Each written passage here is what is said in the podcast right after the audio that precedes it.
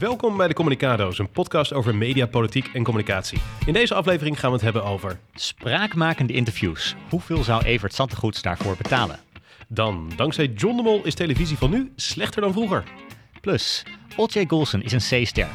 En dus kijkt er bijna niemand. Verder, hoe kun je het beste reageren op een beschuldiging van ongewenst gedrag?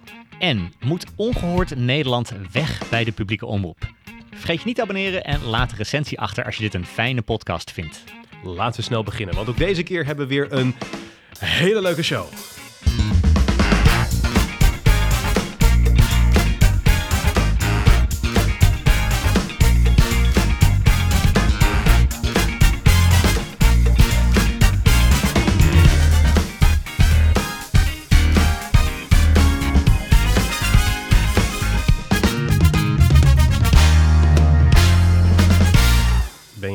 De Nederlanders die deze week een tompoes heeft gegeten? Eh, absoluut. Alleen op Koningsdag. Maar ik heb eh, een, een, echt een hele lekkere tompoes gehaald bij de bakker. Het is echt, Mhm. nou, je, je betaalde 3,5 euro. Zo. Hij was lekker. Ja? Ik, ik ben dus zo iemand die dan... Ik, op Koningsdag heb ik geen tompoes gegeten, maar de dag daarna zijn ze overal in de aanbieding omdat ze over zijn. En dan koop ik een, een tompoes bij de Albert Heijn voor de helft van het geld. Je bent zo'n Nederlander. Ja, maar ja, ik heb zoiets van, wat maakt het nou uit of je hem op 28 of 29 april eet? Het is, het is toch eten tompoes? Dat hij vers is, Victor. Dat hij vers is. Nou, het verschil niet zo groot. Weet je wat mijn ouders hebben gedaan? Nee? Die stuurden vol trots in de familie-app stuurden ze een foto waar ze hadden op basis van een tip van nu.nl de, de tompoes door midden hebben gesneden bij het crème, zeg maar. Uh-huh. En dan de twee helften los van elkaar hebben opgegeten. Nee. Ja, Echt waar? het, ja ik, ik vond. Ik schaamde Dit- me op dat ik- moment even voor. eh, ik ja. wou zeggen, ik eh, zou mijn achternaam eh, veranderen van Duursma naar iets anders, als mijn ouders zoiets deden. Dit Ja. meen je niet. ik, ik zei al tegen ze: het is toch een beetje alsof je sushi eet met mes en vork. Ik bedoel, het kan wel, maar het, het hoort niet. Maar het idee is dat je alle laagjes altijd wil hebben, omdat die bovenste laag met, met glazuur er nog wat extra zoetheid aan toevoegt, die die bakkersroom niet hoort te hebben. Nee, nee, ik hoop dat ze luisteren en het gewoon nooit meer op deze manier doen. Nee, oké, Ja. nee. Iets heel anders. Er was echt een heel veel besproken interview deze week. Eh, twee eigenlijk. Je had eh, het Eurovisie Songfestival bij Galit en Sophie. Maar eh, degene waar we het over willen hebben... even zeggen dat ik dat echt enorm awkward vind? Ik vind Duncan echt een creep. Dat, ik, ik- dat is echt gewoon mijn mening daarover. Oké, maar laten we het niet over Duncan hebben. Ik wil het over dat andere interview hebben. Een interview met de, de ex van Gordon. Ja, eh, want eh, die heeft een groot interview gegeven aan eh, Weekblad Privé. Dat is besproken in alle talkshows en entertainmentrubrieken op de Nederlandse televisie. En de reden waarom ik het wil bespreken is omdat het interessant is. We hebben het wel vaker over wanneer is een interview nou effectief. En als je één interview hebt wat echt compleet de beeldvorming heeft veranderd, dan is het wel dit interview. Aan het begin van de week, voor het interview, werd eh, deze Gavin gezien als een golddigger. Iemand die het alleen maar aanpapte met Gordon vanwege zijn geld. Ja. En aan het einde van de week wordt hij gezien als het slachtoffer van alle, nou ja, nukken van Gordon, zeg maar. Ja. Dus één interview heeft voor hem echt een heel groot verschil gemaakt in hoe die wordt gezien door het publiek. En kun je nou een vinger erachter krijgen eh, hoe dat hem is gelukt? Eh, Want Ja. het was een lang interview, acht pagina's. Dan, Ja, enorm, ja. Daar kan je veel vertellen. Maar, maar wat maakt nou dat het zo'n succesvol interview is geweest voor hemzelf? Ik denk dat er drie eh, factoren zijn. Ten eerste het feit dat hij zichzelf echt ook niet spaarde. Hè? Dus hij gaf veel details, was heel erg open over dingen. Eh, dat is denk ik verstandig. Als je gelijk hebt, moet je er vooral een licht op proberen te schijnen. Dan zien mensen ook dat je gelijk hebt. Dus eh, bijvoorbeeld gaf hij aan dat ze elkaar niet in een casino hadden ontmoet, zoals Gordon had gezegd. Maar dat ze elkaar via Grindr hadden ontmoet. Ja, dat is natuurlijk iets wat minder leuk is om te vertellen. Ook voor hem niet. Maar het geeft wel aan, ik ben bereid om eerlijk te zijn. Maar het is wel een beetje een white lie, hè, zoals ze dat in Amerika noemen. Iedereen heeft wel dat soort leugentjes. Ik vertel mensen ook altijd dat ik Milena in een eh, cocktailbar heb leren kennen. Ja, ik wou zeggen, dat heb je volgens mij mij ook verteld. Ja. Is dat niet zo dan? Nou ja, eh, het klopt wel. We hebben elkaar voor het eerst gezien in een cocktailbar. maar dat is niet hoe we elkaar hebben leren kennen. We hebben elkaar Welke- via een dating app leren kennen. Welke app was dat? Inner Circle. Oké, oh, dat wist ik niet inderdaad. Ja. Oké, nou dat is wel interessant. Maar goed, dat soort details worden dus eh blootgegeven. Ook de hevige stemmingswisselingen. Eh, Gavin is in slaap gevallen bij toen ze de film The Wizard of Oz aan het kijken waren. En vervolgens is Gordon razend en tierend tekeer gegaan tegen hem. Ja, Ja. het komt echt over als een man eh, die eh, hoge pieken, maar ook diepe dalen heeft. Tweede lijkt me wat een factor hier is dat Gavin het interview deze week al heeft gegeven. Eh, hij had ook kunnen wachten of hij had kunnen zeggen van ik wacht de storm even af en dat soort zaken. Eh, direct bovenop het nieuws zitten. Dat zorgt ervoor dat je de, de beeldvorming echt in een vroeg stadium kan beïnvloeden. Dus de timing was perfect. Ja, ik denk dat achteraf gezien, je weet het nooit helemaal van tevoren, maar achteraf gezien was dit echt perfect. En het laatste, dat is denk ik het meest eh, fundamentele, is dat hij ervoor gekozen heeft om zichzelf niet te laten betalen. Dat doen roddelbladen wel, dat heeft Evert Zantegoed ook gezegd, maar in dit geval is het niet gebeurd. En de reden dat dat in het nieuws kwam, is dat Gordon in een tirade op Instagram zei van, oh, eh, Gavin zal zich wel be- laten betaald hebben door Evert Zantegoed, of piece of shit Evert Zantegoed, zoals hij letterlijk eh, zei. En ja, als dat dan inderdaad het geval is, is dat toch een beetje pijnlijk. Omdat als jij betaald krijgt voor een interview, dan gaan mensen zich toch afvragen, al die spraakmakende details, kloppen die echt? Of zeg je dat alleen maar omdat je daarmee de marktwaarde van het interview verhoogt? Eh, dus die schijn heb je altijd tegen. Het gaat ten koste van je geloofwaardigheid. Ja. Ja. Ja. en een voorbeeld van iemand die ook echt heel veel geld heeft eh, eh, zeg maar, eh, afgehouden is Monica Lewinsky. Want in 1998 was zij natuurlijk het verhaal van, van, van nou ja, het jaar vanwege haar gedoe met Bill Clinton, de president. Haar eerste televisie-interview trok 74 miljoen kijkers. En daar heeft ze geen cent voor gekregen, omdat zij er bewust voor heeft gekozen om niet in te gaan op een, eh, op een aanbod van, van Fox, van Rupert Murdoch, om 5 miljoen betaald te krijgen voor dat interview. En dat heeft ze bewust gedaan, omdat ze haar geloofwaardigheid eh, terug wilde krijgen. En dat kon alleen maar door niet betaald te worden voor dat eerste interview. Eh, maar ja, ze zat wel diep in de schulden. Dus het is best wel een moedig besluit om dan toch tegen 5 miljoen dollar nee te zeggen. Ja. Maar heb je enig idee, want eh, eh, Gavin die had geen 5 miljoen gekregen. Hoe, hoeveel had hij dan wel gekregen in Nederland? Ik heb het uh, Evert uh, Sandergoeds uh, gevraagd van hoeveel zou je hem betaald hebben. Nou, wijzelijk wil hij daar natuurlijk niks over zeggen. En toen heb ik het dus even wat andere mensen die dit soort dingen zouden kunnen weten gevraagd. Wat is gangbaar? Wat ja. is een normaal tarief voor dit soort dingen? Mag ik een gokje doen? Voordat ja, jij het zegt? Uh -huh. ik dacht even achterkant van een bierveeltje. -huh. Ik heb even opgezocht. De oplage van de privé is 60.000 exemplaren. Uh, als, je die, als je daar een abonnement op hebt, kost het je 5,5 euro per maand. Of mm -hmm. alleen digitaal 3 euro per maand. Nou, zeg dat je dan een omzet hebt van ongeveer een euro per abonnee per week. Ja. Dat 10%, zeg 10 cent daarvan, nou, beschikbaar is om dit soort interviews uh, te financieren. Nou, dan kom ik op 6000 euro. Ja, nou ja, dat is aardig in de buurt met wat uh, ja. het, het, het, volgens uh, de kenners uh, is.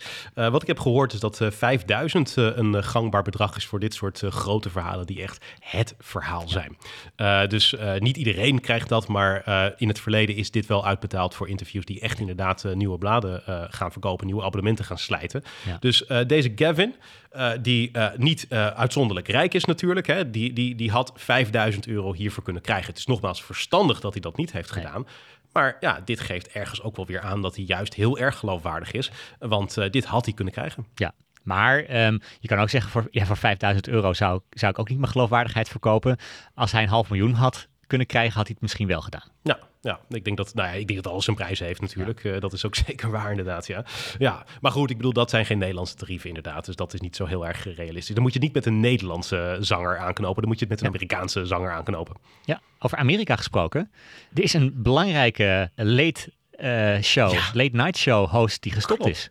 Ik ben groot fan al jaren van James Corden, de Late Late Show op CBS. En uh, die man is deze week gestopt, had zijn laatste... Ik ben sowieso een heel groot fan van laatste uitzending. Dat vind ik altijd heel fijn ja. om te kijken. Dat is toch altijd heel mooi, emotioneel. Maar die had inderdaad zijn laatste uitzending. Hij is bekend van Carpool Karaoke. Die fragmenten worden ook vaak in Nederlandse shows uh, uitgezonden. Ja. En onder andere, de talkshow Bo had daar deze week ook een uh, groot, zeg maar, onderwerp over... waarin ze spraken over de impact van James Corden... Weet jij hoeveel kijkers uh, gemiddeld uh, James Corden had? Uh, meer of minder dan Bo Lars?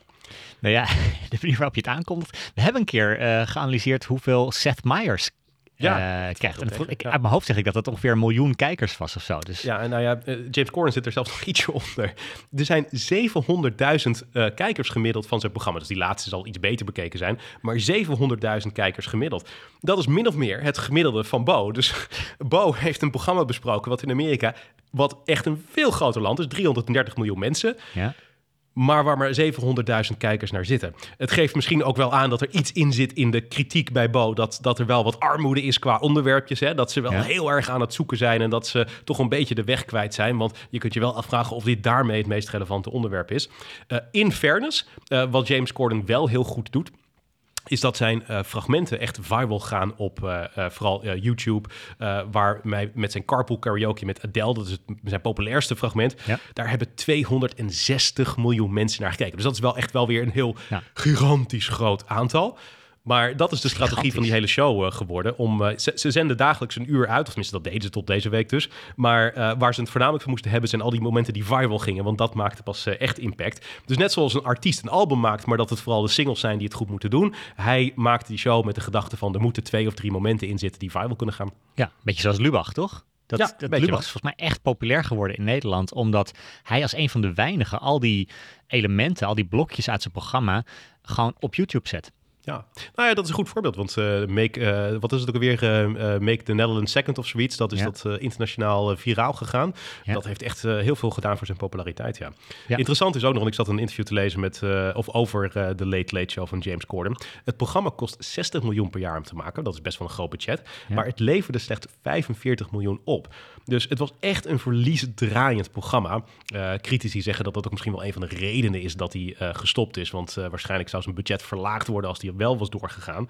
Maar dat uh, betekent wel uh, dat uh, dit soort dingen niet altijd genomen meer zijn. Ze gaan, ze gaan het vervangen door een veel goedkoper programma ja. in ieder geval.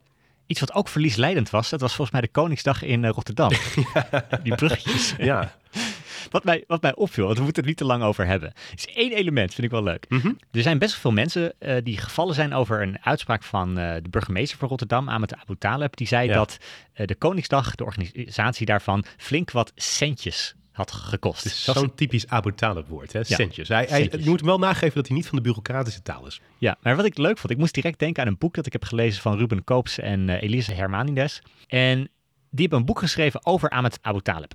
Uh -huh. En wat ze daar analyseren is dat je ziet in zijn taalgebruik dat hij niet een, een, een native speaker is. Hij, hij, heeft niet Nederlands als eerste taal. En dan zie je bijvoorbeeld dat hij heeft iets wat heel veel eerste generatie migranten hebben. Ja. Dat hij heel veel verkleinwoorden gebruikt. En wat is daar de reden van? Dat de en het, dat zijn eigenlijk een van de lastigste dingen die je die onder de knie moet krijgen als je Nederlands goed wil spreken. Wanneer is het nou ja, de ja, en wanneer is het het? En wat is nou de grap? Als je nou twijfelt of het de appel is of het appel, wat zeg je dan? appeltje. Ja. Want het, het is altijd het appeltje. Het is het huisje. Het is ja. het documentje.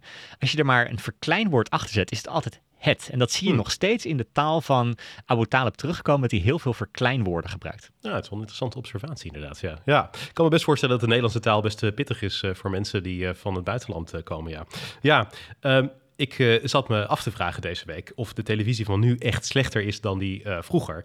En uh, ik heb een heel interessant artikel gelezen, Lars. Ja. ik zal deze ook even in de show notes zetten. Overigens moeten we dat boek van Ruben en Elisa ook even in de show notes zetten. Is misschien wel leuk, kunnen mensen het kopen, want het is wel een aanrader. Het is echt een mooie biografie over Abu Talib. Als Zeker. jij nou even een affiliate link aanmaakt, dan kunnen we daar ook nog wat centjes mee verdienen. Hè? Dan kunnen wij wat centjes verdienen. Ik denk dat we in één keer alle kosten van de podcast terug gaan verdienen hiermee.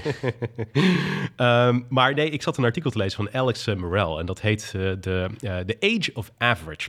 het, het tijdperk van middelmatigheid, zo zou je dat kunnen vertalen. En eigenlijk, ik vond het een heel interessant artikel. Want ze zeggen eigenlijk, tegenwoordig lijkt alles op elkaar. Want bedrijven weten steeds beter wat de consument wil. He, ze zijn uh, ge, ge, geobsedeerd, zou je kunnen zeggen, door uh, optimalisatie. Hm. Ze weten precies wat ze moeten doen om uiteindelijk de klant te plezieren.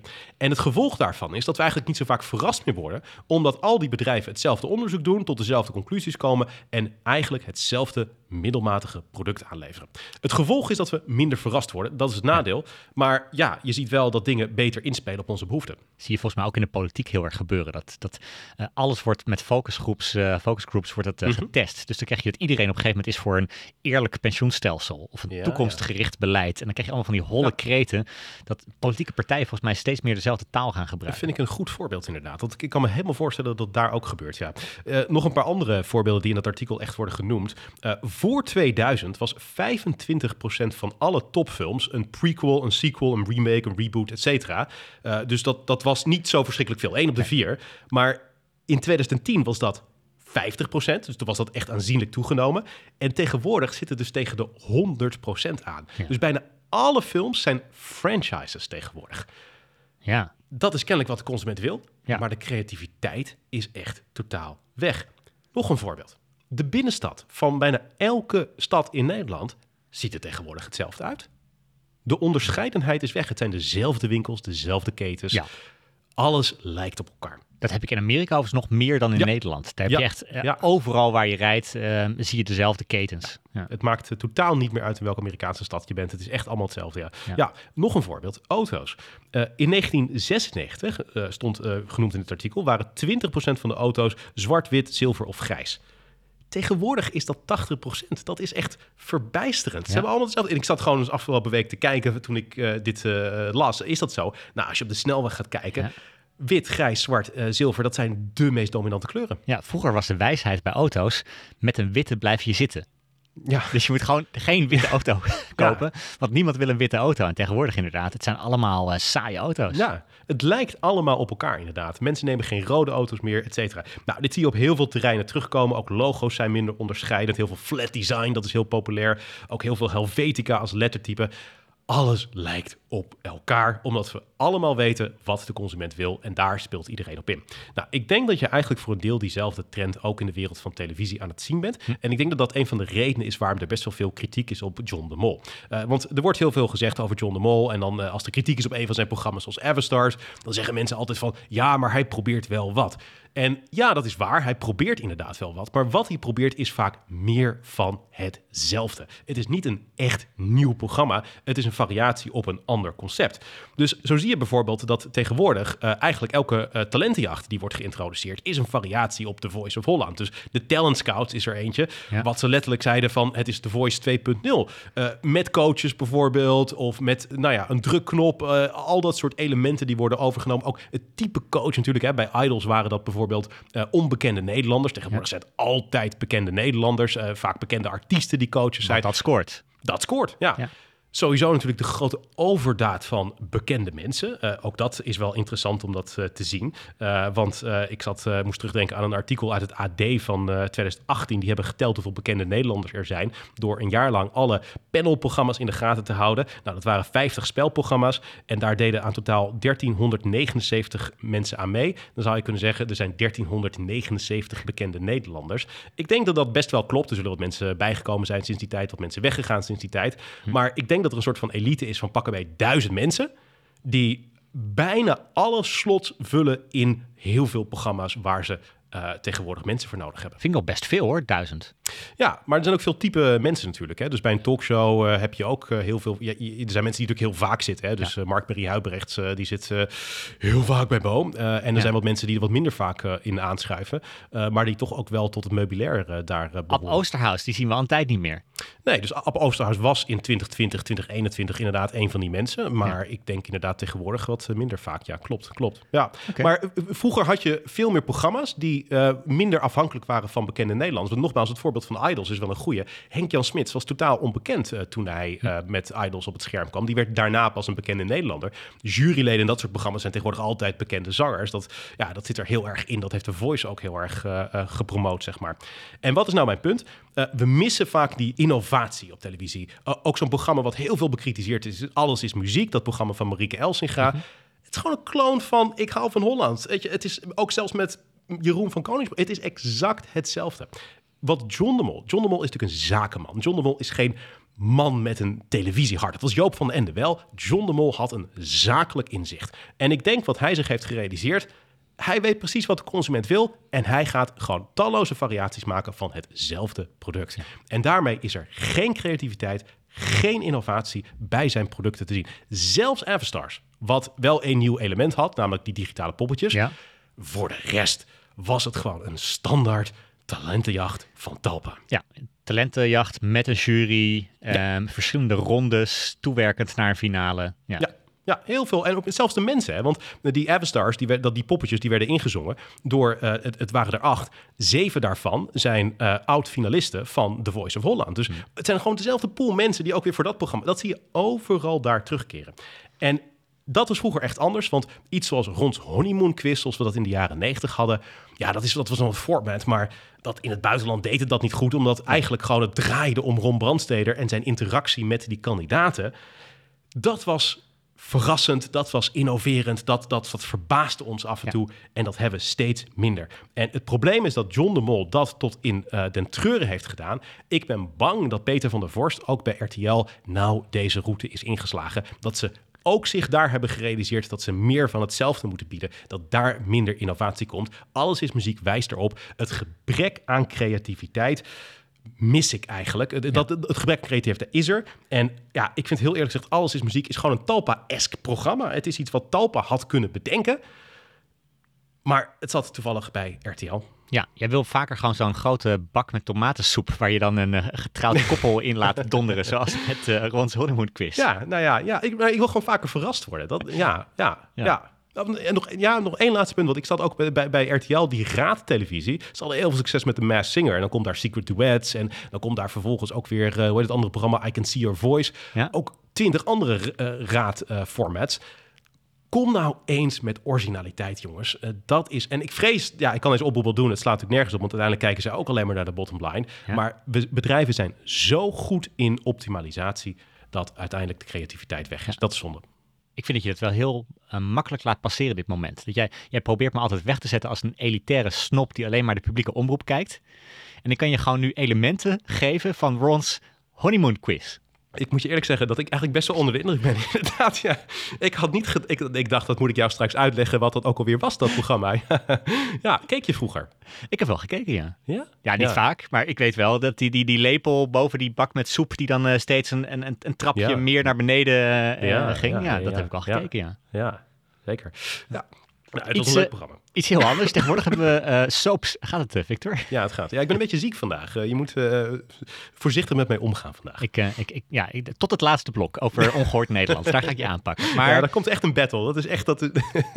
ja, oké. Maar, maar laten we het eerst gaan hebben over een soap die, die afgelopen week voor het eerst op televisie was. Een, een real life soap heet dat, geloof ik. Hè? Ja, ja. Zou jij niet een real life soap willen? Als, als, als toch een beetje iemand die narcistisch is ingesteld? Nee. Nee? Nee. Als het jou aangeboden wordt, zeg je ja hoor. Alleen voor, dat alleen zou voor zo graag doen. voor het centjes. Maar ik zou het ook doen. Ik zou het ook doen hoor. Dus we zijn in dat opzicht eh, helemaal gelijk. We zijn beide natuurlijk enorm narcisten. Maar goed, iedereen die een podcast heeft of in de media werkt, is narcist. Dus wij zijn niet uniek. Maar goed, inderdaad, uh, die real life soap uh, die uh, Olcay Gulsen heeft met Ruud de Wild trok weinig bekijks. het stond geprogrammeerd op het hoofdpodium van de NPO, namelijk NPO 1. Ik heb het gekeken. het, ik moest eerlijk zeggen dat ik me echt er doorheen heb moeten ploegen. Want na 30 seconden ging het over het vrijwilligerswerk van Olcay en de voldoening die ze daaruit haalde.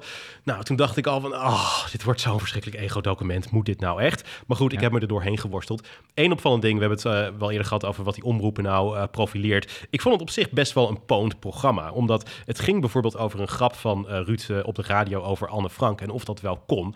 Daar werd best wel veel tijd aan besteed in die eerste aflevering. Nou, dat is typisch poont. Hè? Dus wat hm. kan en wat niet meer kan, daar, dat is wel echt een van de grote thema's. Maar het punt wat ik eigenlijk wil maken is, dit was een flop. En het was waarschijnlijk een voorspelbare flop, dit programma. En het is een flop omdat eigenlijk gewoon het overduidelijk is geworden dat we aan het kijken zijn naar het, einde van de tv-carrière van Olcay Gulsen. En het is een beetje pijnlijk om te zien, maar het is overduidelijk geworden. Mm. Olcay Gulsen is gewoon een absolute C-ster. Geen A-ster, een C-ster. En de reden dat ik dat zeg is omdat ze kan één ding heel erg goed. Namelijk, uh, ze was vroeger deskundige bij RTL Boulevard. Deze echt heel goed. En dan denken mensen altijd van... Jij was fan. Nou, dat gaat ver. Maar ik vond dat ze het goed deed. En ik vond dan, dan er is altijd zo'n neiging om dan als iemand één ding goed kan, om ze in te zetten voor duizend andere dingen. En alles wat Olcay heeft geprobeerd daarna is gewoon een totale flop geweest. Echt alles is een totale flop geweest. Wat is nou het verschil tussen een A-ster, zoals Chantal Jansen of Ruben Nicolai, en iemand zoals Olcay, een A-ster, die kan veel verschillende soorten programma's. Die kan niet één trucje, die kan meerdere dingen. Ja. Dus, wat, dus wat ik zei, Olcay was goed in RTL Boulevard. Ze was heel open, uh, oprecht, uh, uh, spontaan, soms grappig, soms pittig. Ze, ze, was in die zin ook open dat ze veel over haar privéleven weggaf. dat ze niet zoveel van seks hield bijvoorbeeld, was een van de dingen die ze ook wel uitsprak. Nou, dat is toch wel wat een bepaalde eerlijkheid vergde. Ja. Maar ja, toen stapte ze over bijvoorbeeld naar uh, shownieuws en dan ging ze het presenteren. Dat is een jaar of uh, vier uh, geleden. Ja, en vanaf het eerste moment is duidelijk dat ze een goede deskundige is, maar geen goede presentatrice. Drama. Ze heeft ook grote shows gepresenteerd in studio's zoals Boxing Stars. Nou, dat heeft ze ook niet goed gedaan, was ook een flop. ze heeft documentaire-achtige programma's met maatschappelijke impact gemaakt, zoals Olcay en Huiselijk Geweld. Nou, ook dat was een flop. En nu een real-life soap die ook een flop is ze heeft heel veel verschillende genres geprobeerd. Bij ook nog alle verschillende uh, zenders. Dus bij RTL, bij Talpa en nu bij de NPO. En alles flopt. Op een gegeven moment is het gewoon duidelijk. Dit is iemand die niet de kijkcijfers trekt. Die en Ruud de Wild dan? Want hij doet het samen met Ruud de Wild. Dan zou je misschien denken van... Misschien kan Ruud de Wild dat wel omhoog dragen, dat programma. Ja, nou, dat zou kunnen. Ja, dat zou kunnen. Ja. Uh, ik, ik denk dat, dat Ruud een hele getalenteerde uh, DJ is op de radio. Ik vind hem fijn om naar te luisteren. Het probleem met deze real life soap vind ik vooral dat mensen zich zo extreem serieus nemen. Er zit geen enkele relativering in. Ja. Oké, maar, dus, dus het was eigenlijk voorspelbaar dat dit hem niet zou worden. Dan is het misschien ook wel gek om na al die flops ineens een uh, real life soap te gaan maken. Want misschien moet je juist dan net wat meer geloofwaardigheid hebben, net wat meer succes hebben voordat je juist dat gaat doen? Ja, of ergens dachten ze misschien dat haar authenticiteit, uh, die ze bij Boulevard wel had uh, vroeger, dat ze dat misschien beter zou manifesteren en tot zijn recht zou komen in een uh, programma zoals deze Real Life Soap ik weet het niet wat ze dachten. Nogmaals, ik denk dat het vanaf het begin af aan niet zo verstandig was. Maar nogmaals, een A-ster, als je kijkt naar Chantal Jansen, niet alles wat zij doet is succes, maar ze kan wel acteren, presenteren, zingen, jureren in programma's. De range die ze heeft is heel erg breed. Dat is het kenmerk van een echte grote ster. Ja. Ik gebruik deze uitleg ook vaak om uit te leggen waarom ik fan ben van Obama als spreker. Mhm. Er zijn heel veel sprekers die hebben één trucje. Ja. Dus je hebt van die sprekers die gaan naar congressen en die vertellen, elk congres vertellen ze exact hetzelfde verhaal, inspirerend verhaal, allemaal hetzelfde, hetzelfde, hetzelfde. Ja. Hij kon met zijn speeches inspireren, campagne voeren, hij kon troost bieden en hij, heeft, hij kon grappig zijn bij de White House Correspondence Dinner. Dus daar zie je dat hij heel veel facetten van het spreken in de vingers had. En dat maakte hem een veel betere spreker dan... Op een gegeven moment zeiden mensen ook van Michelle Obama. Dat is toch ook net zo'n goede spreker. Die heeft, die heeft ook een hele goede speech gegeven op de Democratische Conventie. En ik zei van ja, zij heeft één type speech nu gegeven. En dat deed ze heel goed. Ja.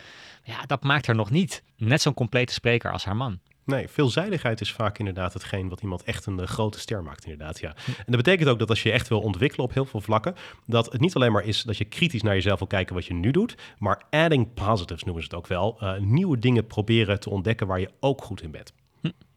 Oké. Straks gaan we kijken naar hoe je het beste kunt reageren op ongewenst gedrag. En nou ja, we hebben een, eh, een battle, heb je net aangekondigd, hè? van moet, moet ongehoord Nederland weg Ik hoop dat dit de podcast, uh, de, onze podcast gaat overleven, kan ik je wel zeggen. Maar goed, uh, laten we snel doorgaan. Maar uh, laten we het eerst hebben, ja, vast blokje, de tune van de week. Want elke week kies jij een legendarische tv-tune uit een collectie die best groot is. Volgens het Guinness Book of World Records zelfs de grootste collectie ter wereld. Victor, welke tune heb jij deze week meegenomen? Nou, een van de meest geliefde televisietunes uit de Nederlandse geschiedenis. En ik wil er eigenlijk voor pleiten dat hij terugkomt. Het is de NOS Studio Sport Tune uit 1974 van Tony Eijk. De eerste 20 jaar is dit de opening geweest van Studio Sport. Ehm, en ja, het is echt een prachtige tune. Veel Nederlanders vinden hem ook ontzettend goed. Laten we even naar de oorspronkelijke versie luisteren. Toen die werd vervangen, was er een golf van protest die door het land ging. Oké.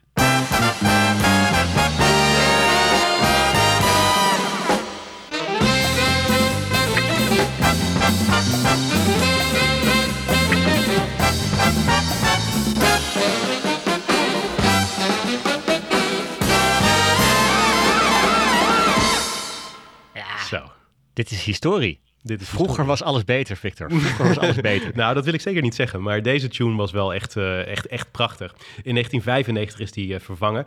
Uh, ik ga hem even laten horen, want de muziek is in een ander jasje gezet. En dat klonk zo.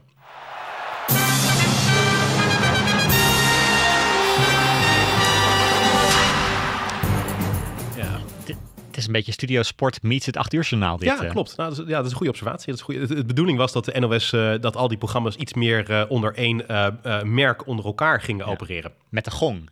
Ja, klopt. Ja, ja de, dat exact. Ja. Dus al die dingen werden inderdaad meer op elkaar afgestemd. En dat zag je heel duidelijk terug. Nou, echt Nederland was hier woedend over. Die wilde echt de oude Studio Sport tune terug. Dus bij de volgende vormgevingwisseling kwam die ook terug. En toen werd de tune geïntroduceerd. De versie van de tune geïntroduceerd die we vandaag de dag kennen. En die klinkt zo.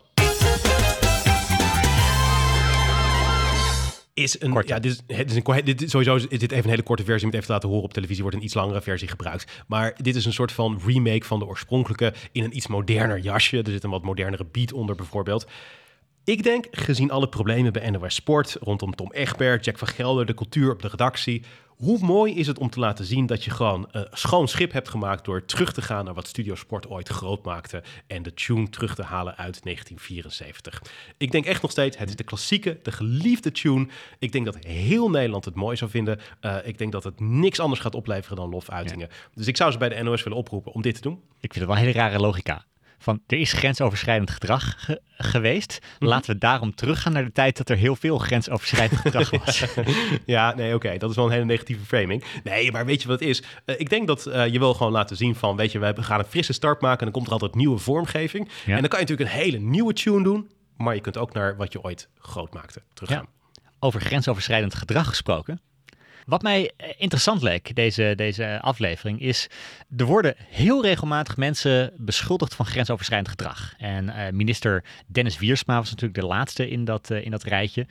En we hebben best wel vaak gewoon individuen besproken. Maar ik dacht, laten we het wat completer aanpakken deze keer. Volgens mij zijn er zes mogelijke communicatiestrategieën die je kan gebruiken op het moment dat je beschuldigd wordt van grensoverschrijdend gedrag. En het lijkt me leuk om te kijken van wanneer gebruik je nou welke en wie hebben die gebruikt en werkt dat ook? Dus dit is eigenlijk een soort van handboek voor mensen die beschuldigd worden van grensoverschrijdend gedrag. Een beetje wat Machiavelli ooit deed met uh, de heerser, dat doe jij nu uh, voor mensen die die problemen hebben. Schrijf even deze aflevering op, tijdscode, ja. een noot in je, in, je, in, je, in je telefoon, dat als je beschuldigd wordt, luister dit fragment. Ja, maar goed, de communicatiestrategie inderdaad dus voor mensen die beschuldigd worden van grensoverschrijdend gedrag. En dan, en dan even sec, want ik wil het echt over communicatie hebben. Want je kan natuurlijk altijd mogelijke acties nemen. Hè. Je kan opstappen, je kan dreigen met juridische stappen, je kan als organisatie een onderzoek aankondigen en daarna vervolgens je mond houden.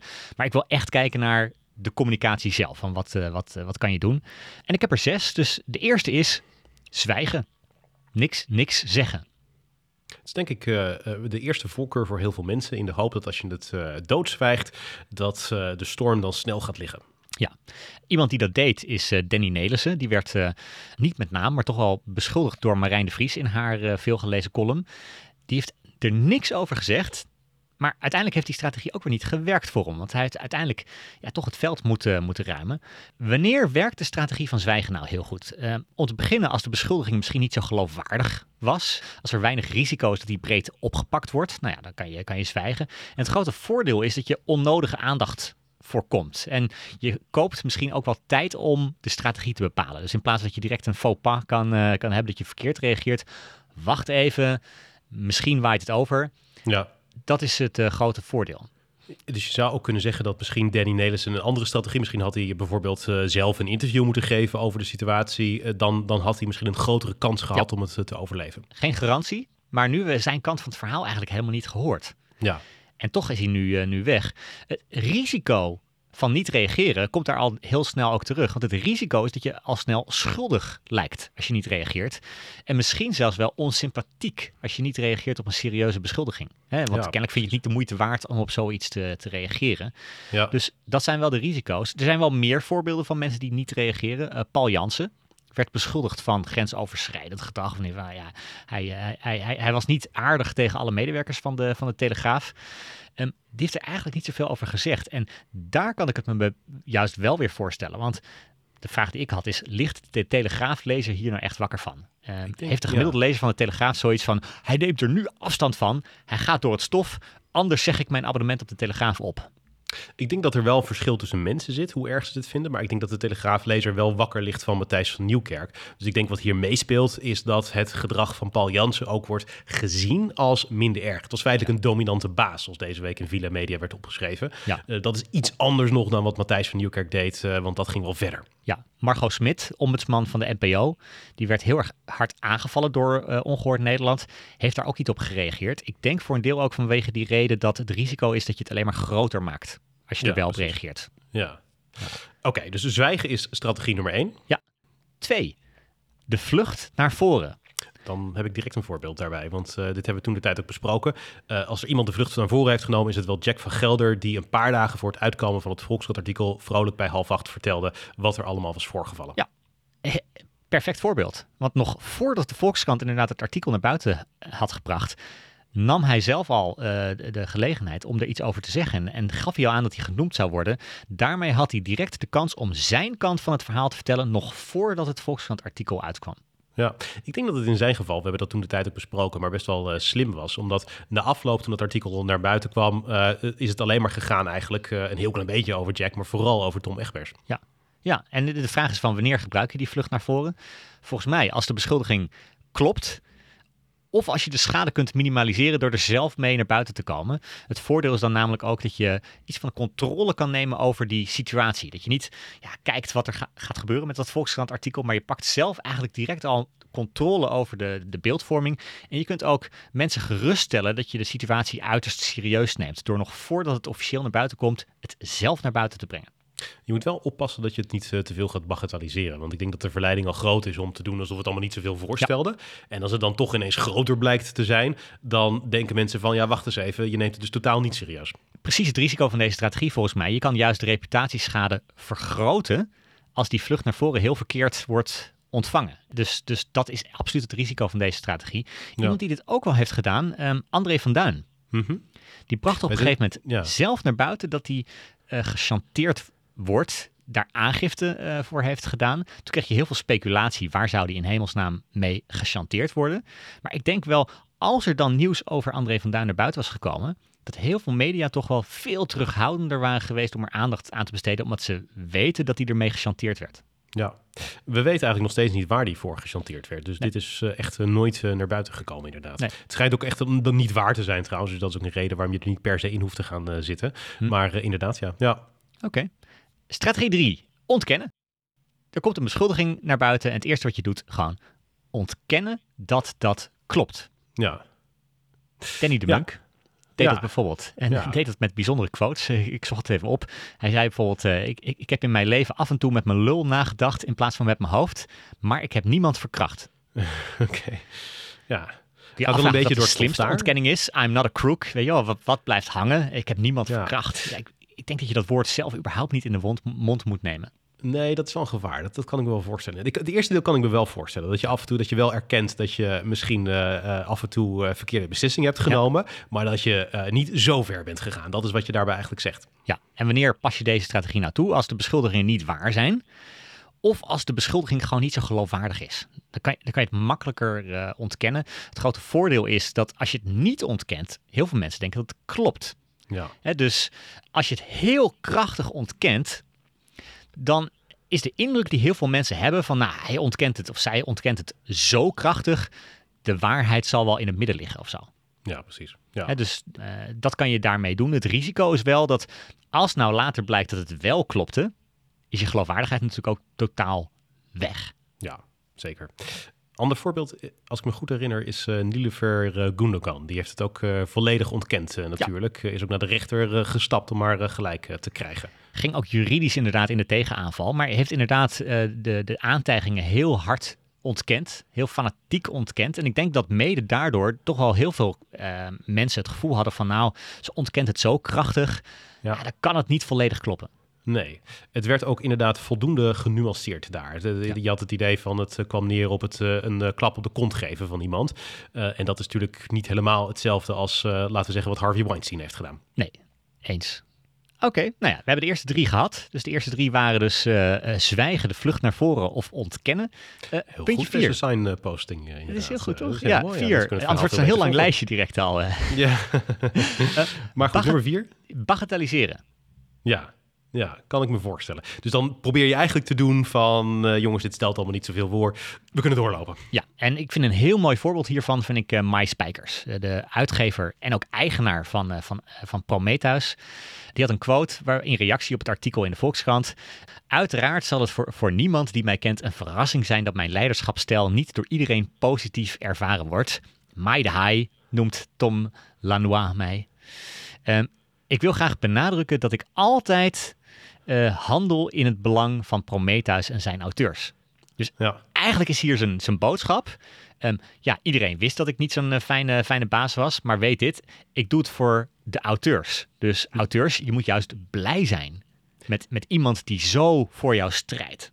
En hij is er natuurlijk wel mee weggekomen. Ik denk ook wel dat dat uh, het geval is, omdat hij niet een verschrikkelijk uh, bekend persoon is. Ja. En dus daarom interesseerden mensen het een stukje minder. Ja, ja eens. Ja, ik denk dat, die, uh, ik denk dat ook gewoon uh, dit, dit werkt bijvoorbeeld als degene die uiteindelijk beslist of, of jij mag blijven, als die de strategie steunt. Want ik denk dat als Dennis Wiersma bijvoorbeeld deze strategie had gebruikt, zelf, dat het best problematisch was geweest. Uh, want ja, dan, dan ga je toch nadenken als, als VVD van ja, willen wij achter iemand blijven staan die het zelf zo weglacht, zeg maar. Ja. dus die, die het zelf zo bagatelliseert. Het lastige is dat ik zelfs denk in de beeldvorming kan dat niet eens een hele verkeerde strategie zijn. Want uh, ik denk dat best wel veel kiezers het nog wel uh, zouden accepteren, dat bagatelliseren. Ja. Maar de VVD-top inderdaad, die zouden denk ik meer moeite mee hebben. Ja, ja, ik denk dat dat zeker uh, het, het gevolg is. Nou ja, het voordeel is dus dat je wel controle pakt over die beeldvorming. Het risico is dat als jouw reactie met dat bagatelliseren niet goed ontvangen wordt, dat je het uiteindelijk alleen maar erger maakt. Ja, als Matthijs van Nieuwkerk uh, had uh, gebagatelliseerd, wat hij natuurlijk ook een, heel klein beetje deed in die oorspronkelijke verklaring, dan uh, het hele land stond op zijn kop, maar dan had je het inderdaad tien keer erger gemaakt. Ja. ja. Ja. Nummer vijf, door het stof gaan. En daar vind ik natuurlijk Tom Egbers een mooi voorbeeld. Die schoof aan bij Galit en Sophie, legde alles uit, maar ging ook wel echt door het stof.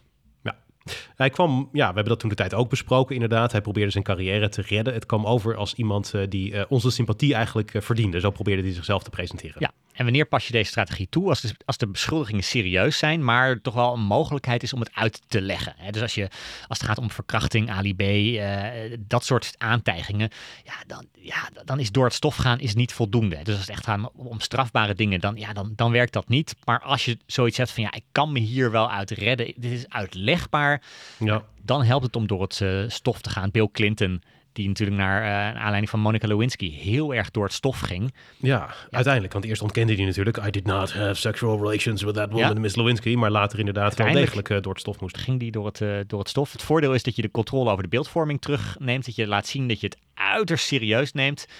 Maar ook dat je, nou ja, dat je veel negatieve publiciteit riskeert als het risico. Als die verklaring niet voldoende overtuigend is. Want ehm, inderdaad, het AIB-voorbeeld is ook wel een goede daarin. Want als je natuurlijk juridische problemen hebt, dan is dit een hele lastige. Want dat is ook de reden waarom ik denk dat AIB bijvoorbeeld inderdaad niet door het stof kan. Omdat hij dan mogelijk uh, dingen erkent die hem uh, juridisch gezien misschien achter de tralies uh, brengen. Ja, ik vind een mooi voorbeeld hiervan Mark Overmars direct op de avond dat het naar buiten kwam, zondagavond was dat als ik me niet uh, vergis, in de verklaring van Ajax zelf ging die enorm door het stof. Trad ook zelf direct terug. Zei van ik kan, uh, ik, ik, zie wat ik fout heb gedaan, de dickpics en zo. Dan natuurlijk, dat is naar buiten gekomen. Stapte ook uh, op bij, bij Ajax, maar had twee maanden later had hij wel weer werk. Hè, dus ja. het heeft hem denk ik wel geholpen om weer verder te, te kunnen. Dennis Wiersma, de minister, die had dat ook wel. Maar ik vind het leuk om daar misschien een nuance te laten zien. Want mhm. Dennis Wiersma die ging door het stof. Hij ging echt door het stof door te zeggen van... Uh, hij vindt het heel erg dat ambtenaren niet durven zeggen wat ze willen. Dat zijn woorden als minister soms harder aankomen dan ik, wat ik gewend was. Gewoon als Dennis. Hij toonde kwetsbaarheid en zo. Dus hij, hij ging echt voor de camera's best door het stof. Maar zijn woordvoerder, die bagatelliseerde het juist een beetje. En zijn woordvoerder zei van ja, dit speelde maar drie kwart jaar, dus tot oktober 2022. De minister is op eigen initiatief het gesprek aangegaan met medewerkers, heeft zijn gedrag aangepast. Maar goed, dat is dus al een half jaar geleden. Oud nieuws, dus mensen doorlopen. Ja. is eigenlijk een soort van good cop, bad cop situatie. Heb je de minister is de good cop, die uh, laat zien van ik ben van goede wil, ik ga mijn leven beteren. En dan zegt er iemand achter de schermen van ja, maar het valt allemaal wel mee. Ja, en dan is deze onderverdeling is cruciaal, want je moet het niet andersom doen. Je, je moet niet een woordvoerder hebben die door het stof gaat en een, uh, en een uh, politicus die dan uh, het bagatelliseert. Nee, het is heel belangrijk dat je het zelf heel serieus neemt, maar dat iemand anders namens jou dan ook wel wat probeert te bagatelliseren. Ja, precies. Ik kan me voorstellen dat door het stof gaan een goede strategie is ook om uh, een soort van punt achter te zetten. En daarna ook weer verder te kunnen gaan met je leven. Je zegt eigenlijk van, ik heb het allemaal erkend. Ik had het niet moeten doen, uh, maar uh, ik kan weer gewoon doorgaan op, niet, niet, niet op de oude voet, maar met een nieuwe baan bijvoorbeeld. Zoals. Ja, ja. Ik denk dat dat heel, ik denk dat dat zo vaak wel werkt. Nou ja, we hebben vier bagatelliseren, vijf door het stof gaan. Dan zijn we alweer bij de laatste. In de tegenaanval. Katisha Ariep, Khadija Arib heeft is, dit natuurlijk heel erg gedaan. Ja, dat is wel het bekendste voorbeeld daarvan. Dat heeft ze ook al direct uh, gedaan en ze ging hard in de tegenaanval. Maar ik denk wel dat het in haar geval uh, strategisch heel sterk was. Uh, want ik denk dat tot de dag van vandaag dat ze nog heel erg de gunfactor heeft. Ja, ik denk bij haar, de mensen die al fan waren van haar, heeft zij, ja, die, die, die, die zagen hier in een bevestiging dat zij genaaid is. En ik heb er in die zin ook wel meer een probleem mee dat, ja, zij koos heel erg de aanval op Vera Bergkamp, terwijl het helemaal niet. Het was een presidiumbesluit. Hè? Dus ze heeft het heel persoonlijk gemaakt, direct op Vera Bergkamp gegooid. Terwijl, maar dit is natuurlijk strategie, Lars. Dus uh, ik bedoel, uh, allerlei overwegingen zoals van, ah, is dit zielig voor Vera Bergkamp? Nee. Uh, dat, dat zou, ik kan me voorstellen dat voor Kadisha Ariep ondergeschikt is. Ja, ik denk dat zij gewoon in haar eigen belang handelde. En dat is hier denk ik ook wel gebeurd. Misschien wordt het voor haar ook wel makkelijker om weer werk te krijgen als mensen toch in, in, in, in, heel veel mensen het voelen van ja, ze is, ze is toch al genaaid in de Tweede Kamer. Ze wordt een soort van martelaar, want dat is natuurlijk ook een beetje het beeld van wat haar is. Ik denk dat het niet alleen om, om, om, om toekomstig werk gaat, maar dat ze ook wel die beeldvorming, hoe zij in de geschiedenisboeken uh, komt te staan, uh, belangrijk vindt. Ja, ik denk dat dat zeker het uh, geval is. Nou ja, wanneer werkt dit? Als het makkelijk is om de beschuldigers in discrediet te brengen dus als jij uh, moeder Teresa tegenover je hebt die, uh, die uh, een beschuldiging uit, ja, dan is het waarschijnlijk minder effectief dan wanneer je een soort van vijand kan creëren en zegt, ja, Vera Bergkamp, die heeft het allemaal gedaan. Ja. En ook als je jezelf relatief makkelijk kan verdedigen, ofwel omdat de beschuldiging niet kloppen, of dat het nog wat vager is. Hè, het gaat om een cultuur, het gaat niet over iets heel concreets dan maakt het het makkelijker om het in te zetten. En het heeft natuurlijk als voordeel dat als jij de reputatie van de beschuldigers weet te beschadigen, toekomstige beschuldigingen van diezelfde mensen minder geloofwaardig zijn. Ja. En misschien, en zo wordt het natuurlijk wel misbruikt, dat nieuwe beschuldigingen ook minder snel zullen komen. Want ja, ja als jij ziet hoe jij bereid bent om iemand anders helemaal kapot te maken, ja, dan, dan uh, ga je toch, treed je minder snel naar voren. Dit is wel interessant, want uh, Umberto Tan heeft natuurlijk die beschuldiging uh, gekregen door uh, Albert Verlinde. Dat Umberto ook vrouwen die bij hem in zijn talkshow te gast waren, heeft benaderd na afloop voor nou ja, allerlei dingen. En hij is daar keihard tegenin gegaan door zelfs aangifte te doen tegen Albert Verlinde. dat heeft hij ook uiteindelijk, daar heeft hij gelijk gekregen. Dus dat was voor hem natuurlijk een heel sterk punt. Maar ik denk dat iedereen die nu denkt van ik wil Umberto ergens van beschuldigen, die denkt zich, bedenkt zich wel twee keer voordat je dat doet. Nee eens. Ja, dus, uh, en even samenvattend, van welke vragen moet je zelf nou stellen? Wat zijn belangrijke vragen die, uh, die je moet, zelf moet afvragen als je nou nadenkt over een goede strategie? Volgens mij is de eerste vraag, hoe ernstig zijn de beschuldigingen? Want als ze niet zo ernstig zijn, dan kun je veel makkelijker zwijgen bijvoorbeeld of het bagatelliseren. Dus hoe ernstig zijn de beschuldigingen? Twee, nou, hoe geloofwaardig zijn ze? En dan pas kun je jezelf afvragen, maar kloppen ze ook? Ja, want als, als, als, het, als het niet zo ernstig is en ook niet zo geloofwaardig, dan maakt het niet eens uit of het, uh, of het, uh, of het klopt. Cruciaal is wie uiteindelijk bepaalt of je bijvoorbeeld mag blijven zitten, of je strategie succesvol is. Want uiteindelijk probeerde Dennis Wiersma volgens mij gewoon de VVD mee te krijgen. De VVD-top, die bepaalt of hij straks nog uh, minister is. Ja. dat maakt dus ook de situatie van Tom Egbers en Jack van Gelder echt heel anders. Want Egbers, die werkt nog steeds bij de NOS. Dus de strategie die hij kan toepassen, zijn per definitie al heel anders dan de strategieën die Jack van Gelder kan toepassen. Het was misschien ook moeilijker voor Egbers om de vlucht naar voren te, te, te, te, doen natuurlijk, inderdaad. Ja, ja. zeker. En, en dus uiteindelijk uh, vooral belangrijk om jezelf af te vragen van wie bepaalt of, of deze beschuldiging gevolgen heeft. En uh, in alle eerlijkheid, dan zie je ook wel heel vaak dat het niet alleen gaat om de communicatiestrategie. Want dat gaat vaak over wat we zien in de media, hoe we dat zien ook heel belangrijk, misschien wel net zo belangrijk, is natuurlijk dat je achter de schermen vooral heel veel contact houdt met degene die uh, bepaalt of jij je baan houdt. Dus ik kan me voorstellen dat bij Dennis Wiersma de, het contact met Mark Rutte, met de voorzitter van de VVD, met uh, mensen in de Tweede Kamerfractie, dat dat contact eigenlijk veel belangrijker nog is geweest dan zijn publieke strategie. Sterker nog, ik kan me voorstellen dat er mensen zijn bij de VVD die hebben gezegd van, uh, nou Dennis, leuk en aardig, maar we willen wel dat je medelijden en spijt ja. betuigt van wat er gebeurd is. En dat dat misschien ook wel bepalend is geweest voor zijn uiteindelijke handelen. Ja. Hm. Dus zo ga je het beste om met een aantijging, met een beschuldiging van uh, grensoverschrijdend gedrag. Een handboek voor schurken hebben we nou uh, hier uh, neergezet. heel goed. het kan ook onterecht zijn, hè? Die ja, nee, daar heb je gelijk, daar heb je gelijk in. Ja. dat is zeker waar. Dat is goed om dat te onthouden. Ja. ja. Ja. Oké, ehm, grote discussie deze week over ongehoord Nederland. Want die krijgt voor de derde keer een boete opgelegd door de NPO. En uh, dat betekent dat de NPO ook mag vragen aan staatssecretaris Oesloe om de uitzendlicentie in te trekken. Dat is een heel zwaar middel. Het is nog niet duidelijk op dit moment wat de staatssecretaris gaat doen. Maar duidelijk is wel in ieder geval dat de toekomst van ongehoord Nederland als publieke omroep op het spel staat. Het zal waarschijnlijk ook een lange strijd zijn. Uh, want de staatssecretaris heeft gezegd dat ze haar tijd voor dit besluit gaat nemen. En Arnold Karskens, de voorzitter van Ongehoord Nederland, heeft laten weten dat hij gaat aanvechten bij de rechter wat het besluit, tenminste als, als die licentie wordt ingetrokken. Oké, eh, we gaan dit zo eens even bespreken. Eerst even om uh, gewoon te beginnen. Ik denk in ieder geval dat dit een heel erg lastig besluit is voor de staatssecretaris. Het is een kwestie van damned if you do, damned if you don't. Het lastige is, een staatssecretaris is natuurlijk iemand die een politieke kleur heeft. In dit geval van D66. En dat maakt dit een extra lastig besluit. Want het is D66-staatssecretaris die uh, een PVV-omroep, om het maar even zo te zeggen, uh, uiteindelijk uit het bestel zou knikkeren. En ja, dat is natuurlijk wel iets wat vervolgens voor de beeldvorming niet ideaal is. er is toch al kritiek dat er te veel D66-invloed is op het hele omroepbestel. Die kunnen alle omroepen last van hebben. Tegelijkertijd, damned if you don't, want op het moment dat de staatssecretaris uh, ja, uh, niet besluit om dit besluit te nemen, ja, de, de, NPO vraagt hierom. Uh, welk machtsmiddel heeft de NPO dan nog ten opzichte van ongehoord Nederland? dus het is dan een tandeloze tijger. Voor de staatssecretaris is dit echt een heel erg lastig dilemma. Wat mij overigens opvalt hierbij is dat in heel veel dingen die Ongehoord Nederland doet, doen ze eigenlijk tegenovergestelde van uh, iedereen bij de publieke omroep. Zij proberen alles heel persoonlijk te maken. Dus het gaat niet over de ombudsman van de NPO. Het gaat over Frederike Leeflang. Het gaat niet over uh, de NPO. Nee, ze hebben het alleen over de voorzitter. Het gaat niet over een politiek besluit.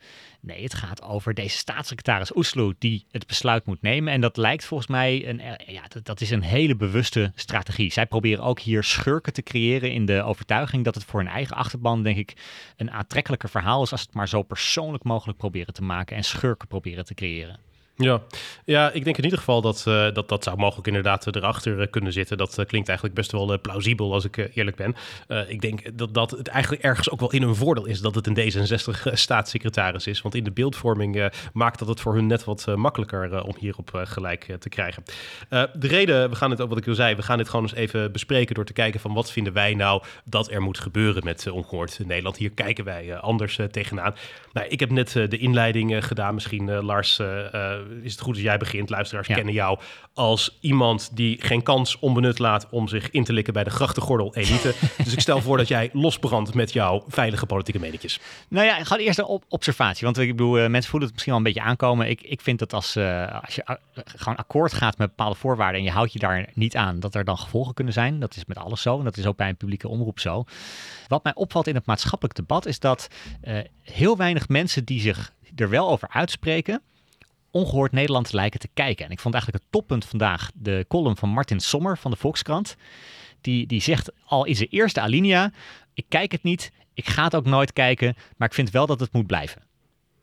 En dat, dat maakt de, de discussie volgens mij moeizaam. Want dan ga je een soort van theoretische studentendiscussie uh, voeren. Zo'n studentendebatclub die dan uh, gewoon een theoretische discussie gaat uh, hebben over de hypothetische vragen wat je mogelijk zou kunnen doen bij een bepaalde ja. omroep die zich niet aan de regels houdt. Maar heb jij het gekeken dan, is mijn vraag? Ik heb het regelmatig heb ik, heb ik stukken gezien. En ik heb bijvoorbeeld ook stukken gezien, oké. Okay, ja, dus nee, niet... ik heb bijvoorbeeld ook Pointer gekeken waarbij heel specifiek... Ja, maar dat is de kritiek. Dingen, maar de vraag ja. is, heb jij ongehoord? Heb jij, hoeveel uur ongehoord heb jij gezien? Nou, ik heb zeker voor de podcast hebben het regelmatig, hebben het regelmatig besproken. Daar heb ik hele afleveringen gekeken. Oké.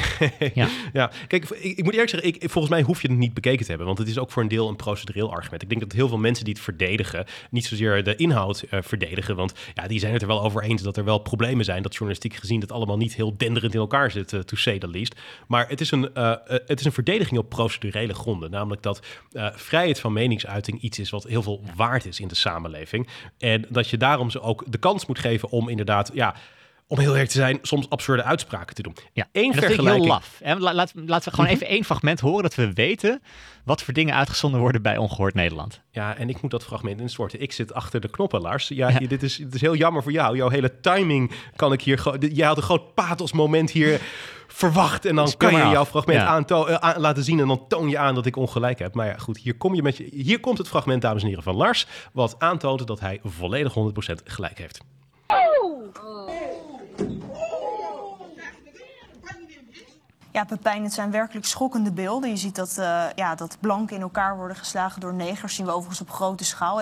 Uitzending ja. van 15 september 2022, de controversiële uitzendingen waar beelden te zien waren van uh, zwarte uh, mensen die witte mensen in elkaar slaan. Ja, met de suggestie dat het heel veel gebeurt. Terwijl nou, überhaupt bij deze fragmenten al aangetoond is dat er geen enkele uh, bewijs is dat het überhaupt racistisch gemotiveerd bewijs was.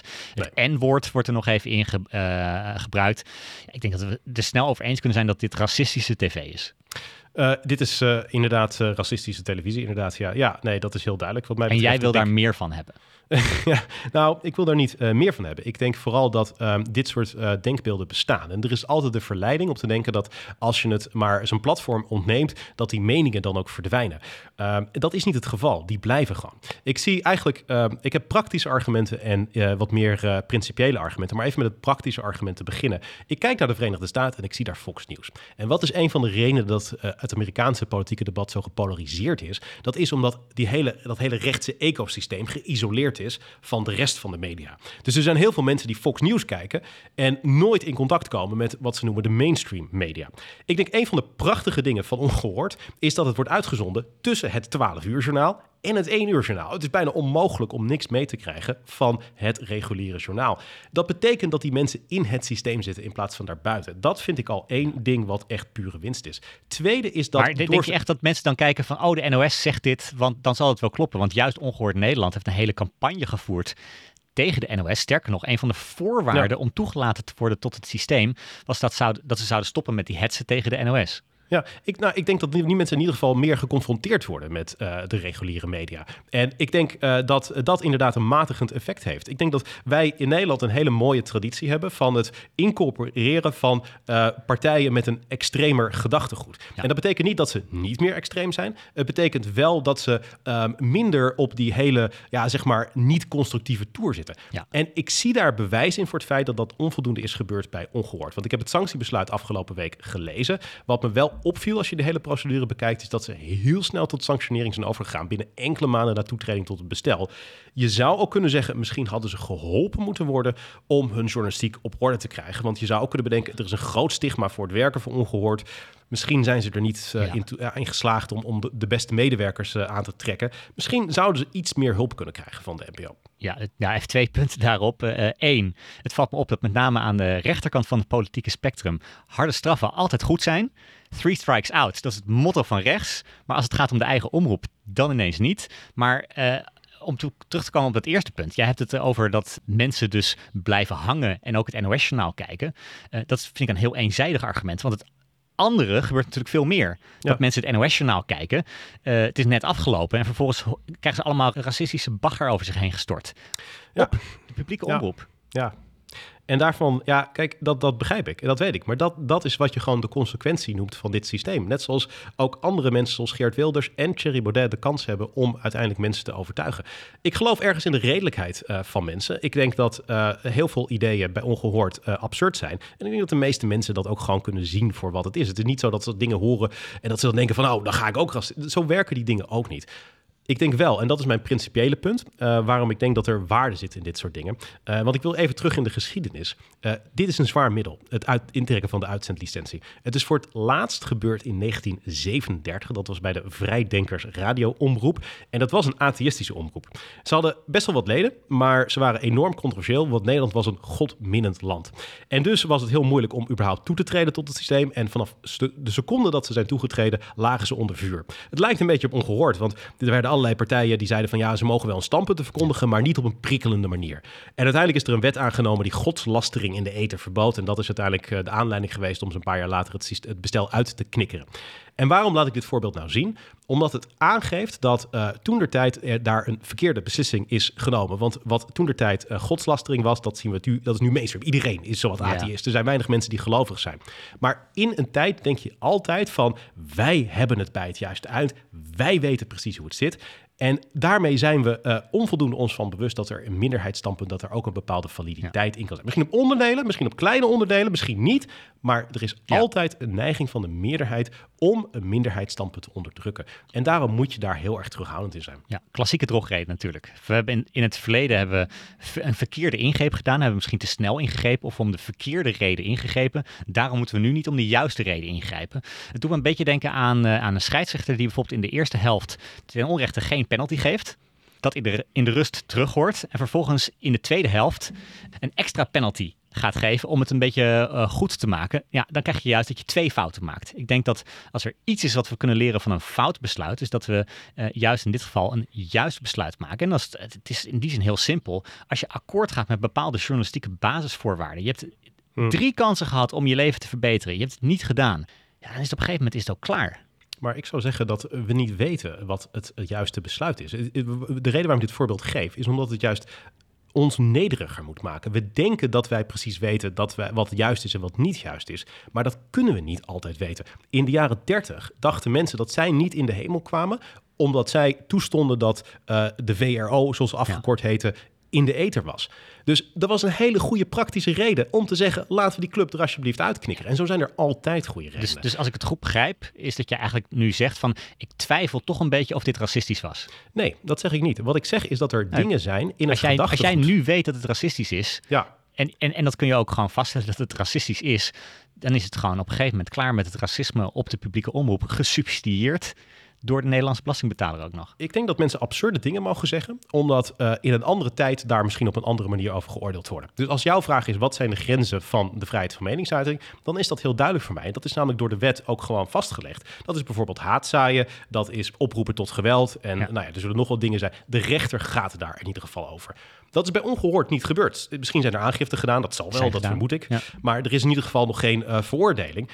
Dat zou wat mij betreft het criterium moeten zijn. En ik zie ook wel dat dat eigenlijk veel beter is. Want uh, ik denk dat er altijd de neiging is van de meerderheid om zo'n minderheidsstandpunt te onderdrukken, omdat er altijd een goede reden gevonden kan worden. Het valt me wel op dat oude journalisten zoals Frits Barend en ook uh, Max Pam, uh, die echt al een tijdje rondlopen, die perspectief hebben, die daar ook voor pleiten. En ik zeg, denk ergens van de nieuwe generatie journalisten is minder nieuwsgierig, meer moraliserend. Ik denk dat dat eigenlijk ja. niet wenselijk is. Ik denk dat het vooral uh, getuigt van een soort van morele leegheid, dat de enige grens mm -hmm. in het maatschappelijk debat is de grens die de rechter stelt. Want zij mogen alles zeggen. Hè? Dus dat, de vraag is niet of ze het mogen zeggen en of ze het mogen doen. Nou, uiteindelijk kan een rechter er uitspraak doen of ze dat überhaupt mogen zeggen. De ja. vraag is, mogen ze het op de publieke omroep doen? En je ziet natuurlijk ontzettend veel gevallen waarbij je bepaalde dingen niet kan zeggen die wettelijk wel toegestaan zijn omdat dat strijdig is met andere dingen. Als jij een werkgever hebt en je doet bepaalde uitspraken, dan ja. kan op een gegeven moment je werkgever daarop aanspreken. Als jij, uh, als jij een, uh, in de Tweede Kamer een uitspraak wil doen, dan mag op een gegeven moment de, de voorzitter mag ingrijpen als je iets zegt, zelfs ja. als dat niet voor de wet strafbaar is, omdat je bepaalde afspraken hebt met elkaar. In dit geval ook nog eens afspraken waar ze zelf mee akkoord zijn gegaan. Afspraken die ze wisten voordat ze een poging deden om bij, het, uh, bij de publieke omroep te komen. Dus dan ja. moet je ook niet zeiken als je achteraf zegt van ja, um, ja ik, ik, ik gaf iemand een rotklap tijdens de wedstrijd. Maar ik wist niet dat dat verboden zou zijn tijdens, uh, tijdens een voetbalwedstrijd. Nee, je bent ermee akkoord gegaan. Je wist dat het niet kan daarbovenop nog um, zie je volgens mij dat er steeds meer, uh, dat je ziet dat de media ook aangesproken kunnen worden op wat er aan content voorbij komt. Ik bedoel, um, als je kijkt naar Facebook bijvoorbeeld, Facebook heeft ook heel lang dit verweer gehad. Uiteindelijk moet de rechter maar bepalen wat wel of niet mag. Uh, op een gegeven moment, uh, nu zie je ook dat Facebook zelf verantwoordelijk wordt gehouden als zij niet genoeg doen om bepaalde dingen tegen te houden. Ik denk dat dat heel logisch is. Misschien kun je zelf dezelfde dat... argumenten hoor, want dat, ook dat, wat daar precies de toekomst van gaat zijn, moeten we ook nog maar even kijken. Ja. Maar het punt is, we hebben natuurlijk ook een omroepbestel, wat bedoeld is om alle grote stromingen in de maatschappij te vertegenwoordigen. En je kunt er veel van zeggen, maar als je gaat kijken naar het percentage Nederlanders dat op partijen uh, stemmen die uh, tot de radicaal rechtse vleugel behoren, dus dan heb je het over de PVV, Forum voor Democratie, Ja 21, BVNL, uh, sommigen zeggen ook de BBB, dan is dat is ongeveer 20% van de ja. Nederlanders en dat is structureel. Zouden die een thuis moeten hebben bij de publieke omroep? Dat lijkt me wel. En ik ben het met je eens dat er gekeken moet worden van hoe sommige van die aspecten die ze verkeerd doen, dat dat beter kan. Maar ik denk ook wel, eerlijk gezegd, dat ze weinig kans hebben gehad. Ze hebben, ze hebben uh, bijna anderhalf jaar al gehad. Ze zijn op de vingers geweest en wilden daar vervolgens niks mee doen. Want de enige manier waarop ze reageerden op de ombudsman... is door die ombudsman persoonlijk aan te gaan vallen in een, in een, in een blog. Kijk, ja. als, jij, als je de vraag is... moet er zowel ruimte zijn voor links als rechts... Helemaal eens. Maar wat jij eigenlijk doet, is dat, dat jij rechts gelijkstelt met racisme en desinformatie. Ik, vind, ik, ik had niet verwacht dat ik deze zin hier ooit zou uitspreken, Victor. Maar jij stigmatiseert rechts Nederland. Nee, het is, is volgens mij onzin is, ja. om te suggereren dat een rechtse omroep automatisch racistisch moet zijn en desinformatie moet bes dat suggereer ik zeker niet. Ik zeg alleen van de vrijheid van meningsuiting betekent dat je niet altijd harmonie hebt op de korte termijn. Wel stabiliteit op de lange termijn. Daar is vrijheid van meningsuiting veel beter in. Dat is een manier om conflicten te beslechten op een goede manier. Maar inderdaad, niet altijd harmonie, want te zeggen mensen absurde dingen. Eén, uh, misschien uh, laatste punt in deze discussie. Ik heb ook het pointer-onderzoek, wat jij net ook al even aanhaalde, ook uh, doorgenomen. En ik moet je heel eerlijk zeggen, dat is natuurlijk van KRO en CRV en andere omroepen die dan vervolgens omroep ongehoord heeft onderzocht. Dat hebben ze ook groot gebracht het viel me wel op dat er niet alleen feiten worden gecheckt, maar dat er meningen worden gecheckt. En het, dat moet ik eerlijk zeggen, vond ik wel een bevestiging van het feit dat ongehoord misschien toch wel een meer een plaats heeft in het uh, bestel dan. Welke uh, mening uh, wordt gecheckt? Nou, het hele concrete voorbeeld wat wordt aangehaald in dat Pointer-onderzoek is dat bij ongehoord vaak wordt gewaarschuwd voor kleedkamers waar vrouwen nu in mogen komen, waar straks mannen in jurken, zoals zij dat dan verwoorden, in mogen komen. Dat vrouwen daar worden lastig gevallen door dat soort mannen. En het wordt gecheckt door Pointer door uh, te wijzen op een uh, Schots onderzoek uit 2019, waaruit blijkt dat bij de invoering daar, bij de nieuwe transgenderwet, er uh, geen vrouwen in kleedkamers werden lastiggevallen. En toen ik dat las, dacht ik wel bij mezelf, hmm, dat is wel gek. Je mag in een democratie toch wel een angst uiten. Uh, ik vind het op zich een goede bijdrage aan het maatschappelijk debat als je zegt het is in Schotland niet gebeurd en daar is dit bewijs voor. Maar dat maakt het argument niet onwaar. Want ten eerste, het is één onderzoek en daarmee niet de wetenschappelijke consensus. Dus laten we dat ook niet pretenderen. Er kunnen misschien andere onderzoeken zijn die andere uitkomsten hebben. Of als het het enige onderzoek wat is gedaan, kun je wel afvragen wat de status van dit onderzoek is. Maar belangrijker nog, het is ook gewoon zo dat in Schotland de situatie misschien anders is. Ook dit weet ik niet. Het loopt tot een reactie van de mensen die zeggen dat vrouwen worden lastiggevallen in kleedkamers.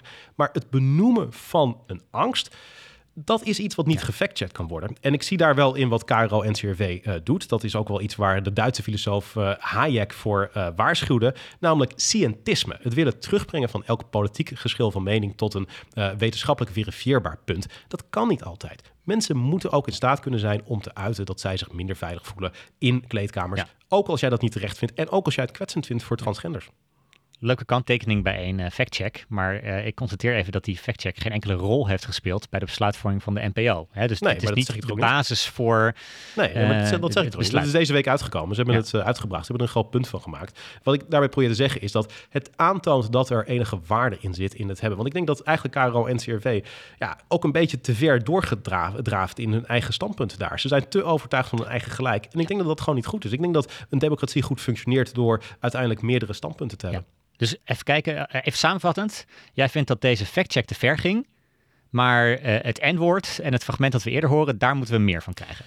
Nou, dat is dus niet wat ik heb gezegd. Nee, maar dit vind ik flauw. Dit vind ik echt flauw. Ik, ja, dat, ik zou dat, niet... dat is de nee, uitkomst nee, nee, van, uh, van, jouw verhaal. nee, nee, nee, nee. Ik zeg, kijk, nogmaals, ik ben er niet voor. Ik zou het niet op die manier doen. Uh, ik, ik, heb deze fact-check uh, alleen maar aangetoond om te laten zien dat er ook echt absoluut tekortkomingen zitten ja. in de manier waarop zij worden benaderd.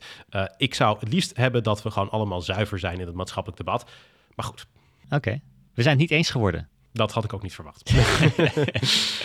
Oké, okay, zullen we gewoon uh, naar uh, de vraag uh, gaan? Want we hebben natuurlijk weer wekelijks de rubriek Vraag het Vic en Lars. De rubriek waarin we jouw vragen beantwoorden. Dat mag een vraag zijn om advies, om onze mening of iets persoonlijks en zelfs impertinent. Je kunt ons een vraag stellen door een mailtje te sturen naar vraaghetvicenlars.gmail.com. De vraag van deze week die komt van Jip. Dat is vast iemand onder de 30, denk ik zo. Denk je Denk het ook. Nou, Jip en Janneke. Ja, ja ik voel het een beetje als een millennial naam, maar goed. Anyway, uh, hoi Vic en Lars, mag ik jullie een dilemma voorleggen? Stel dat je nog niet geboren bent en je krijgt de volgende keuze voorgelegd. Wat zou je dan kiezen? Zou je liever knap willen zijn of juist intelligent? Goed, Jip. Intelligent. Waarom? Nou, daar heb je volgens mij uiteindelijk uh, meer aan. Als ik ook uh, de, de, de, de, afweging nu zou moeten hebben van en, en, en hopelijk gebeurt het niet, maar er gebeurt iets in je leven waardoor je of lelijk wordt, mm -hmm. of de, het functioneren van je brein achteruit gaat. Mm -hmm. No-brainer. Natuurlijk uh, um, is, is, is hersenen dan belangrijker dan of je knap bent. Ik denk dat 50-50 is. Ik denk dat voor mij, ik, ik denk, kijk, de vraag is natuurlijk van wat bepaalt je levensgeluk. Ik denk dat uh, mensen die uh, knap zijn, die er gewoon echt goed uitzien, die, die hebben heel veel voordelen. Er, er, zit, er zitten nadelen aan, je bent niet per se gelukkiger, maar mensen zien je vaak als vriendelijker, ze zijn aardiger tegen je. Uh, er is een soort van halo-effect, zoals het wel wordt genoemd, dat knappe mensen, die schatten we ook intelligenter, vriendelijker, et cetera, et cetera in. Dus er zitten best wel veel uh, voordelen. Tegelijkertijd, ik denk dat er ook heel veel voordelen zitten aan intelligent zijn. Ik denk dat een van de belangrijkste voorspellers voor succes is in het leven. Maar voor mij zou het echt 50-50 zijn. Ik, ik, zou niet, ik, ik, ik, zou het niet weten, eerlijk gezegd. Ik vind het laf, Victor. Het is een dilemma. Mm -hmm. Je moet of het een of het ander kiezen en jij zegt het is 50-50. Nee, ja. je moet kiezen. Dat is toch ook een antwoord? Ja, nee, ja, goed. Um, ja, dat, dat, ja dat, maar dat ligt een beetje aan mijn bui, zeg maar. Dus dat, dat kan van dag tot dag uh, verschillen. dus je wordt s ochtends wakker en je denkt, nou, vandaag wil ik wel liever knap zijn dan intelligent. Ja, nee, ik heb wel van die dagen inderdaad. Ja, tuurlijk, jij niet? Nee. Heb je, ja, nee. oké. Okay. Nee. Heb je niet van die dagen dat je denkt van, nou, ik zou wel een stukje... Ja, ik, Dommer willen zijn. Nee, of, of er beter uit willen zien. Volgens mij doen we ook met z'n al, allen van alles om er beter uit te zien natuurlijk. Hè? Dus dat, ja, natuurlijk. Het is overigens wel makkelijker, denk ik, om knapper te worden dan om slimmer te worden. Uh, weet ik niet. Is dat zo? Nou, weet ik niet. Ik denk dat het ook voor een deel. Uh, uh, er zijn dingen die je kan doen. Inderdaad, sport is doorgaans wel een van de dingen die goed is als je er beter uit wil zien. Maar deels is het ook genetisch. Hè, hoe symmetrisch je gezicht is. Ik zie heel veel hardlopers die, die bijvoorbeeld marathons lopen, waarvan ik denk van respect. Maar je ziet er niet automatisch beter uit. Nee, maar hardlopen is ook niet per se een sport waar je er echt beter van gaat. In het begin wel natuurlijk, hè, dus je verliest wat gewicht, dat is goed. Maar over het algemeen de dingen die je moet doen om er beter uit te zien, dat is natuurlijk gewoon de sport, gewoon fitness doen. Ja, ik zeg er niet maar zoveel over. Ja, ik, weet, ik weet dat jij dat belangrijk vindt, Victor. Nou ja, ik zeg alleen maar van, volgens mij, genetisch gezien heb je een aantal dingen die, uh, die, die, die, die moet je ook mee hebben. En symmetrie, het gezicht is wel een van de allerbelangrijkste. Ik zou het niet weten. Ik, ik denk, voor mij is het echt 50-50. Ik denk dat het uh, goed is als je ze beide hebt. Ik denk dat dat schaars is. Maar als je moet kiezen, weet ik het niet. Ik denk dat in ieder geval mensen die uh, zowel lelijk zijn als dom. En ja, dat is heel erg hard om dat te zeggen. Maar dan sta je wel op een achterstand het leven. Goed. Volgens mij heeft Jip een, een antwoord op zijn vraag. ja, ik stel voor dat we het eh, gaan afronden voordat we nog meer uh, problematische opmerkingen maken. Uh, klachten kunnen naar Lars Duursma op Twitter. dan zal dat allemaal netjes afgehandeld worden. en dan kan je alles sturen. Dat is over deze aflevering van de Communicators. Vergeet je niet te abonneren en te recenseren. Een hele fijne week. Hoi hoi.